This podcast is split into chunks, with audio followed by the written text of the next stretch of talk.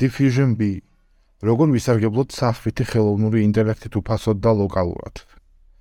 Midjourney და Dell-ი წარმოადგენს ასაჭიროებს, თუმცა სერვისების სარგებლობა ხშირ შემთხვევაში შეზღუდულია რაოდენობრივად ან საერთოდ არ არის ხელმისაწვდომი უფასოდ.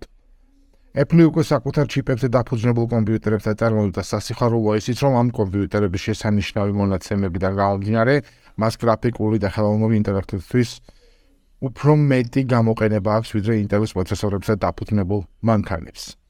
ინტერნეტის უსაზღრო სივრცეში დაუწყდი აპლიკაციას, რომელიც ძალიან ამარტივებს ხელოვნური ინტელექტის და ამჯერად Stable Diffusion-ის მოდელების გამოყენებით ტექსტის ნახატებად გარდაქმნას.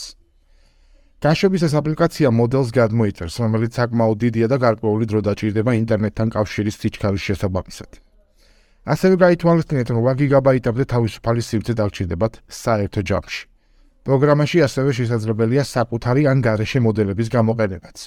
დიდი რაოდენობით მოდელები უკვე ხელმისაწვდომია Hugging Face საზოგადოების რეპოზიტორიებში. ჰმ, პირველი ქმნილებაც.